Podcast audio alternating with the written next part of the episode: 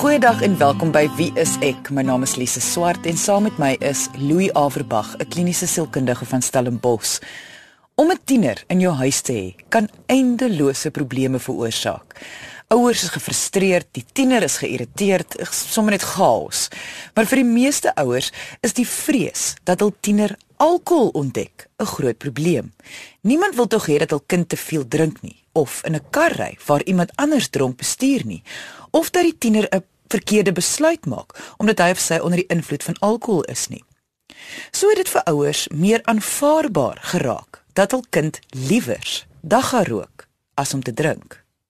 Ek het selfs al van gevalle gehoor waar die ouers die dagga self verskaf, want op sosiale media lees ons tog die hele tyd hoe helend en eintlik gesond dagga kan wees. Maar is dit waar? Is dit 'n beter alternatief? Dit is van die vrae wat ons vandag gaan vra. So Louis, mense eerste gedagte is dat hierdie onderwerp 'n mediese geval is. So kan jy vir ons sê waar pas sielkunde by die gebruik van spesifiek dagga in? Al die navorsing wys vir ons dat daar 'n hele klomp geestesgesondheidprobleme is, soos psigoses, om kontak met realiteit te verloor, depressie, angs wat gekoppel kan word aan gebruik van cannabis hoe ons dink en hoe ons voel hang grootliks van ons breinfunksionering af. Ons brein is soos 'n elektriese sleutelbord en dit reguleer letterlik wat ons dink, hoe ons dink en hoe ons dinge ervaar. En alles wat ons inneem, kos, dwelmmiddels, alkohol, het 'n invloed op ons sleutelbord. En die invloed wat wat wat cannabis, marijuana op op op jong mense se sleutelbord het, as ek dit so kan stel, is dat dit die opname van dopamien beïnvloed later as hulle volwassenes is. So jy kan nou klaar sien ek begin praat van die gevare vir jong mense. En al dink mense dus dat cannabis of marijuana oor die algemeen onskadelik is, is dit veral nie so vir jong mense nie. Ons weet dat ernstige gebruik van marijuana veral tot op die ouderdom van 18, 19, 20. Die kans om later skizofrenie te kan ontwikkel 6 maal erger maak. Jou risiko is 6 keer hoër. Daar is baie studies wat hierdie ding vir ons bevestig, die korrelasie tussen adolessente marijuana gebruik en psigose of skizofrenie. Veral in tieners waar daar 'n geskiedenis in die familie is. Nou sê ons nie al wat 'n jong mens is wat cannabis gebruik gaan skizofrenies raak of psigoties raak nie. Maar die risiko dat jy kan word baie baie verhoog. Wanneer jy dan sê van die psigose en die skizofrenie, wil ek net gou geweet, is dit in die oomblik met ander woorde sal mens dit al in 'n adolessent sien indien hulle marijuana of cannabis gebruik? Dat hulle is uh, psigoties of of hulle kontak met realiteit verloor of praat ons nou dat hulle kan dit ontwikkel dan nou eers in hulle volwasse jare? Beide maar veral meer laasgenoemde. Daar is 'n kleinerige persentasie van volwasse mense wat cannabis gebruik onmiddellik korreleer met psigose en skizofrenie dis 'n klein persentasie veral as die, die volwassenes nie as jong mense cannabis gebruik nie. Dan is dit maar min maar as adolessente dit gebruik is presies soos jy sê, verhoog dit die kans in die toekoms om as volwassenes skizofrenie te ontwikkel baie baie meer. En wat ook nog kan veroorsaak word met die gebruik van cannabis is 'n bietjie emosionele ontwikkeling wat ingeperk word om mense emosies toepaslik te ontwikkel. Die toenemende risiko om ongelukkig met die lewe te wees, nie so altyd gelukkig te wees of tevrede te wees met wat aangaan nie. En natuurlik die risiko toename, depressie, angs en en en ander geestesstoestande te ontwikkel. So hier's 'n paar goed wat jy sal moet verduidelik. Kom ons begin met psigose en skizofrenie. Wat is dit en hoe affekteer hierdie diagnose 'n volwassene se lewe of lewenskwaliteit? Ons praat hier van 'n kontakbreek of 'n breek met realiteit. Dit kan 'n kort oomblik wees of 'n periode wees. Dan praat ons van psigose. Kan 'n paar minute wees, 'n paar dae wees waar iemand se sintuie nie meer waarneem wat dat wat objektief daar is nie. Met ander woorde, jy hoor stemme, jy sien dinge, jy's nie in kontak met realiteit nie. Op 'n langer termyn waar dit 'n permanente toestand word, praat ons van skizofrenie. waar jy dan konstant met hoe jy dink, hoe jy voel, hoe jy optree met jou omgewing vreemd omgaan. Dit is vreemd vir ander mense, dit is nie realisties nie. So 'n persoon se lewenskwaliteit afhangende van die graad van skizofrenie of 'n psigotiese voorkoms kan geweldig ernstig ingeperk word of selfs net op 'n medium vlak waar jy gereeld daarmee kan sukkel. Die probleem is egter dat die navorsing nog nie vir ons kan wys wat die predisposisie is nie, met ander woorde wie geneig sal wees tot psigose deur die gebruik van cannabis of nie. So op hierdie stadium is enige iemand vatbaar. Niks is ooit net swart of wit nie. Dagga gebruik word ook gekonnekteer aan ander lewensveranderende situasies. Ons assistent Marisel nou vir ons 'n ekstensiewe studie wat in Nieu-Seeland gedoen is, se bevindinge voorlees.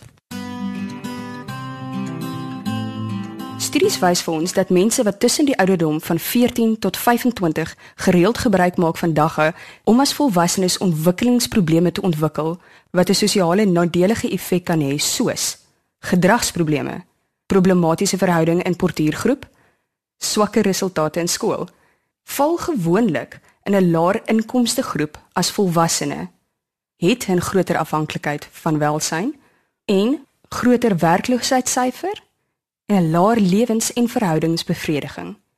En om van 'n jong ouderdom dagga te gebruik kan lei tot gevaarlike gedragspatrone. Byvoorbeeld, 'n tiener sal meer geneig wees om op 'n vroeë ouderdom die familietuise te verlaat onvolwasse seksuele ontwikkeling wat kan lei tot onbeplande swangerskappe. Verhoogde risiko om onder die invloed van dagga te bestuur, want dagga verhoog bestuurders se kans om 'n ongeluk te veroorsaak meer as dubbel. Hoër vlakke van kriminele gedrag, soos byvoorbeeld motordiefstal. Daar is ook bevind dat 'n uh, oormatige gebruik van dagga deur adolessente ook depressie en angs kan veroorsaak. Kan jy vir ons meer hieroor verduidelik? dis nie altyd baie maklik om te sê hoekom nie. Maar as mens na die feite gaan kyk, dan is die gebruik van marihuana onder adolessente definitief 'n risikobepaler vir gemoedversteurings. Dit is so. As jy adolessent is en jy gebruik dit, is jou kanse baie beter as ander adolessente om gemoedstoestande te kan ontwikkel.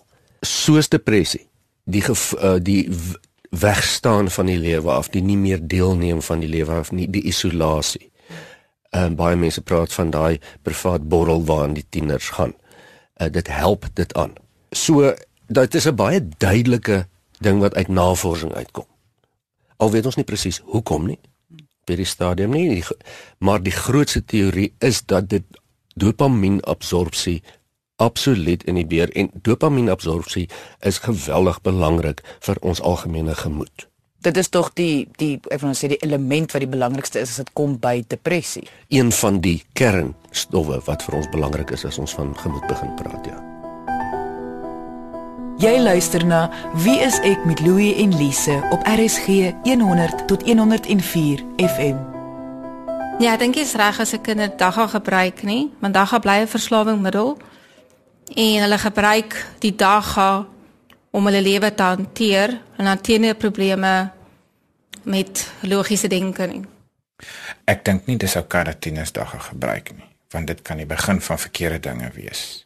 'n Tiener wat dagga gebruik, gaan probleme kry want hy moet begin jok om geld in die hande te kry met dagga te kry om dit iewers te plant.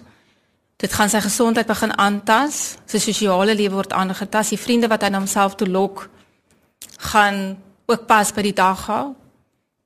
So hy gaan dalk by ander goed ook begin betrokke raak wat negatief is vir die tiener. Die gevare wat gepaard gaan met 'n tiener wat dagga gebruik is waarskynlik verslawing en slegte gewoontes. Hy gaan geld by sy ouers steel, hy gaan verkeerde vriende maak. Tieners is tog nog in 'n ontwikkelingsfase. So hoe affekteer marijuana dan hulle ontwikkeling? Kyk, hier is die feite dit is moeilik om te onderskei of dit nou is as gevolg van leerprobleme, motiveringsprobleme of net die kultuur wat miskien saam met cannabis gebruik in sekere kulture saamgaan. Maar wat jy kry is 'n duidelike korrelasie tussen adolessente wat marihuana gebruik, slegter skoolprestasie oor die algemeen, meer wegbly van skool af, met ander woorde klasse wat gemis word en die risiko wat vergroot dat daai kind gaan uit die skool uitgaan voor matriek klaar gemaak is. So vroeë en aanhoudende gebruik van cannabis kan jou geheue affekteer. Jou uh konsentrasie, jou vermoë om besluitneming op 'n helder manier te kan maak, om nuwe dinge aan te leer.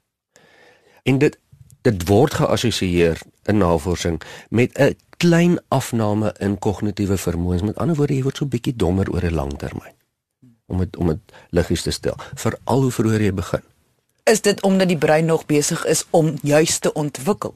Absoluut. Dit is 'n baie eenvoudige gestel. Ehm um, maar dit is letterlik waarop dit neerkom. So wat is eintlik hier sê is dat die risiko's vir 'n tiener eintlik net so groot kan wees as wat hulle nou byvoorbeeld dan nou alkohol sou gebruik het. Ja, in sommige gevalle definitief. En die risiko is groot. Jy kan hoor dat ons fokus hierso op adolessente tot 21 jariges. Dit daarmee sê ons nie daar's nie risiko daarna nie. Maar die groot risiko lê in hierdie ouderdomsgroep. Ander studies geld vir volwassenes. En daar's nie altyd nadele in vir volwassenes volwassenes in nie. Die gebruik van cannabis nie alhoewel daar vir 'n sommige volwassenes groot nadele kan in wees. En weer eens, ongelukkig weet ons nog steeds nie vooraf wie nie. Ons bespreek vandag die gevare van marijuana gebruik in tieners. In die westerse wêreld raak dit vir ouers al hoe meer aanvaarbaar dat hul tieners verkieslik marijuana rook as wat hulle alkohol gebruik. Ons sê nou nie dat alkohol beter is vir 'n tiener nie, juis is die punt dat 'n dwelm bly 'n dwelm en dat alle dwelms 'n effek op jou tiener kan hê. Maar die vraag wat sekerlik alle ouers sal vra is: Hoe maak ek seker my kind gebruik nie enige dwelms nie? So het ons 'n soortgelyke vraag van 'n ouer gekry. Kom ons luister daarna, voorgeles deur ons assistent, Marie. Louis en Lise, my seun van 17 rook dagga. Ek is 'n enkel ma en hy's 2 keer langer as ek wat beteken hy's inderdaad twee keer sterker as ek. Na vele pogings om hom te keer om dagga te rook, wil hy nie vir my luister nie. Ons het altyd baie lekker met mekaar gesels, maar nou sit hy heeldag in sy kamer of gaan na vriende se huise. Hy was sportief en sterk, maar het selfs dit opgegee. Hy het wel self aan my erken dat hy dagga begin rook het, maar hoe meer ek hom waarsku dat dagga net die begin is en dat hy ander dwelms gaan begin gebruik, hoe meer onttrek hy van my. Wat kan ek doen om hom te laat ophou? Dit is net ek en hy en my wêreld sal in mekaar val as iets met hom moet gebeur. Asseblief help my. Ek slaap nie meer nie. Dit voel asof hierdie probleem my lewe oorneem. Dankie en bekommerde ma. Voor die advertensiebreek het ons die sielkundige effek bespreek wat marijuana moontlik op 'n tiener se ontwikkeling kan hê en die gevaar dat 'n tiener psigose en of skizofrenie ontwikkel wat lewenslank 'n persoon kan afekteer. Indien jy die gesprek gemis het, kan jy nou op Potgooi gaan luister op RSG se webwerf. Dit is rsg.co.za. Klik net op Potgooi op die tuisblad, kies wie is ek van die lysie wat verskaf word en luister na enige van ons vorige episodes van wie is ek. Louis, ek wil eerstens vra oor die skrywer se waarskuwing vir haar seun dat as hy marijuana gebruik, sal hy ander dwelms begin gebruik. Is dit waar? nie noodwendig nie. Daar's twee teorieë, breë teorieë wat hieroor. Die een is dat die gebruik van enige dwelmmiddel of dit nou alkohol of tabak of cannabis of wat dit ook al is, op 'n jong veral op 'n jong ouderdom. Kom ons sê die brein gereed maak vir ander dwelms of vir die moontlikheid om ander dwelms te kan gebruik. Dis 'n fisiologiese ding sonder om in te veel details in te gaan en daar is definitief studies wat dit ondersteun. Aan die ander kant ook wys al die navorsing ook dat gereelde gebruikers, volwasse gebruikers van cannabis oor 'n lang termyn gebruik nie eintlik ander dwelmmiddels nie. So dis nie regtig soos mense sal sê 'n gateway drug nie, maar dit kan ook wees. Ek neem aan dit sal afhang van individu tot individu. Dis die ding. Dis die ding en daar's baie baie ander faktore wat hier 'n rol speel. En en wat gaan maak dat jou kind uh, of of 'n persoon gaan cannabis gebruik. Daar's baie faktore. Dit gaan nie net altyd oor blootstelling of of enigiets anders nie. Maar ek kan ook dink vir die ma om hierdie waarskuwing aan haar tienerseun te gee, dis nou juis 'n tipe ding wat 'n tiener definitief nie ernstig sal opvat nie. Die dit mag dalk of wat as of eendag nie. Ja, dit is ongelukkig een ding wat ons weet en alle ouers weet dit. Probeer met 'n tiener sit en vir hulle rustig en amper duidelik die feite op die tafel neersit en waarsku op 'n baie mooi manier wat met jou gaan gebeur oor 10 jaar as. en ons weet dit werk nie. Daar is net nie 'n manier nie. Dit werk nie. Dit bring hom in aanraking met verkeerde mense. En dit lei tot ander dinge. Dit is soos 'n sneeubal. Dit begin klein, dag mag dalk onskuldig klink vir baie van ons. Maar dit kan dalk net die begin wees van groter dinge. Ek voel 'n ouer moet baie betrokke wees by sy tiener se lewe om te keer dat hy betrokke raak by enige dwelmmiddel. Om 'n tiener te wees is baie moeilik en die kinders kry baie swaar. En dit lyk dalk of dinge vir hulle maklik is, maar kommunikasie, elke dag se kommunikasie is baie baie belangrik om enige dwelmmiddel om enige verslawing te keer. Ek dink dit behoort 'n tema in die huis te wees van kleins af. Hulle moet van kleins af weet wat dit is. Dit moenie 'n taboe in 'n besprekingssin wees nie, sodat die kinders kan weet wat waaraan hulle self oorlaat. Jy luister na Wie is ek met Louie en Lise op RSG 100 tot 104 FM. Ek dink alle ouers wil weet of hulle iets kan doen om te verhoed dat hulle tieners ooit naby enige dwelm kom of dit nou op sigarette, cannabis of alkohol is. Het jy raad vir hulle? Kyk, die enigste manier om dit te verhoed is om jou seun of dogter toe te sluit en toe te messel vir die res van sy of haar lewe. Dit werk nie. Die probleem is as jou kind op 'n adolessente ouderdom begin middels gebruik, of nou alkohol of tabak is wat dit ook al is, en die, en die kind is nou al 17, soos wat ons briefskryfster se se kind is. Wat kan jy regtig doen? Vertel vir 'n tiener van daai ouderdom wat om te doen en hulle doen dit juis en andersom. Ehm um, afgesien daarvan dat dit 'n ontsettende moeilike taak is, is jou opvoeding ook nie die enigste faktor wat gaan bepaal of hy die cannabis gaan gebruik of nie. Daar's baie faktore wat buite jou beheer is en selfs buite sy beheer is. Soos maats, skoolomstandighede, DNA-programmering, daar is so baie faktore. So hier is die probleem wat jy mee te doen het. As jou opvoeding van die begin af nie die kind in staat gestel het om wyse keuses te maak nie, gaan dit nie skielik verander op 16 of 17 nie. Dis dan te laat. So dan het jy twee opsies. Of jy straf geweldig en dit werk amper baie min, nê. Jy sal moet verskriklik straf. En ek praat nou nie van fisiese straf nie praat van wat ouers maar baie doen, selfone wegneem, voorregte wegneem ensovoorts ensovoorts om te keer dat die kind dit doen. En dan het jy 'n rebelse persoon wat wat agter jou rug jou gaan saboteer. Of die ander opsie is dat jy saam met jou kind dan maar moet leef en ten minste so goed as moontlike verhouding probeer handhaaf om jou kind te beskerm. Ek sê nie dis die eerste opsie nie. Maar as jy dan wil cannabis gebruik dat jy ten minste weet waar dit gebeur dat daar goeie toesig is wat dit ook al al. Ek praat dit nie goed nie. Ehm um, maar partymal kan mens nie altyd keer nie. Dit kom daarop neer dat mens die kommunikasiekanale wil oophou van jonks af. Baie tieners eksperimenteer met dinge en met middels. Dit is so. Alkohol is 'n ander vorm. En mens kan dit nie altyd kan keer nie, maar as jy ten minste eerlike verhouding kan handhaaf met jou kind, is dit al klaar beter. Jy weet, ek het ook nie al die antwoorde hiervoor nie. Ek kan ook as ek dink aan die uh, skrywer hoe hierdie seun het tog uit sy eie uit aan sy ma erken dat hy gebruik dagga. Wat wys hulle het kommunikasie, sy is heeltemal reg. So in plaas dan om van om vir hom die hele tyd te probeer sê wat gaan gebeur en so wat jy sê is hou daai kommunikasie oop sodat jy ten minste die hele tyd weet dat hy veilig is en wat aangaan en hoe gereeld hy gebruik en miskien met hom kan gesels oor hoe voel hy daaroor en die effek daarvan ensovoorts. Ek dink sy moet veral daardie kommunikasie net aan die gang hou. Dit sal eerste prioriteit wees. Dit is 'n kommerwekkende situasie. So eerder jou hand op die pols hou as wat jy niks weet wat daar aangaan nie. Haar vrese is duidelik ook besig om haar eie lewenskwaliteit te affekteer. Iets wat gereeld gebeur met die geliefdes wat saam met enige iemand van enige ouderdom leef wat dwelms gebruik. So wat kan sy doen om haar eie spanning aan te spreek want ek is bekommerd oor haar gesondheid wat nou nie gedrang is. Ja, ek stem saam, maar haar vrese en haar gevoel van verantwoordelikheid is oor haar rol as ma. En sy is heeltemal reg. Dit is haar verantwoordelikheid en haar vrees. Sy moet daarbey betrokke wees. So jy moet ook net na jouself kyk. Dit beteken nie jy moet ophou bekommerd wees oor jou seun op sekere stadiums nie, maar jy kan nie 24 ure 'n dag net ma bekommernisse wees nie. Daar's seker goed wat jy nie kan beheer nie. Alles is nie noodwendig oplosbaar nie. Daar's net soveel dinge wat mens kan beheer in die lewe. Baie dinge kan mens nie. Baie dinge gebeur agter ouers se reuns.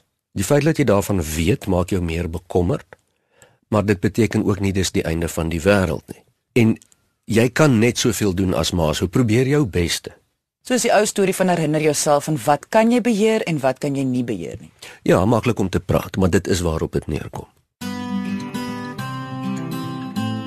Wat is jou laaste gedagtes oor hierdie onderwerp van tieners wat marijuana gebruik? Dis nie vir ons om morele uitsprake te maak nie.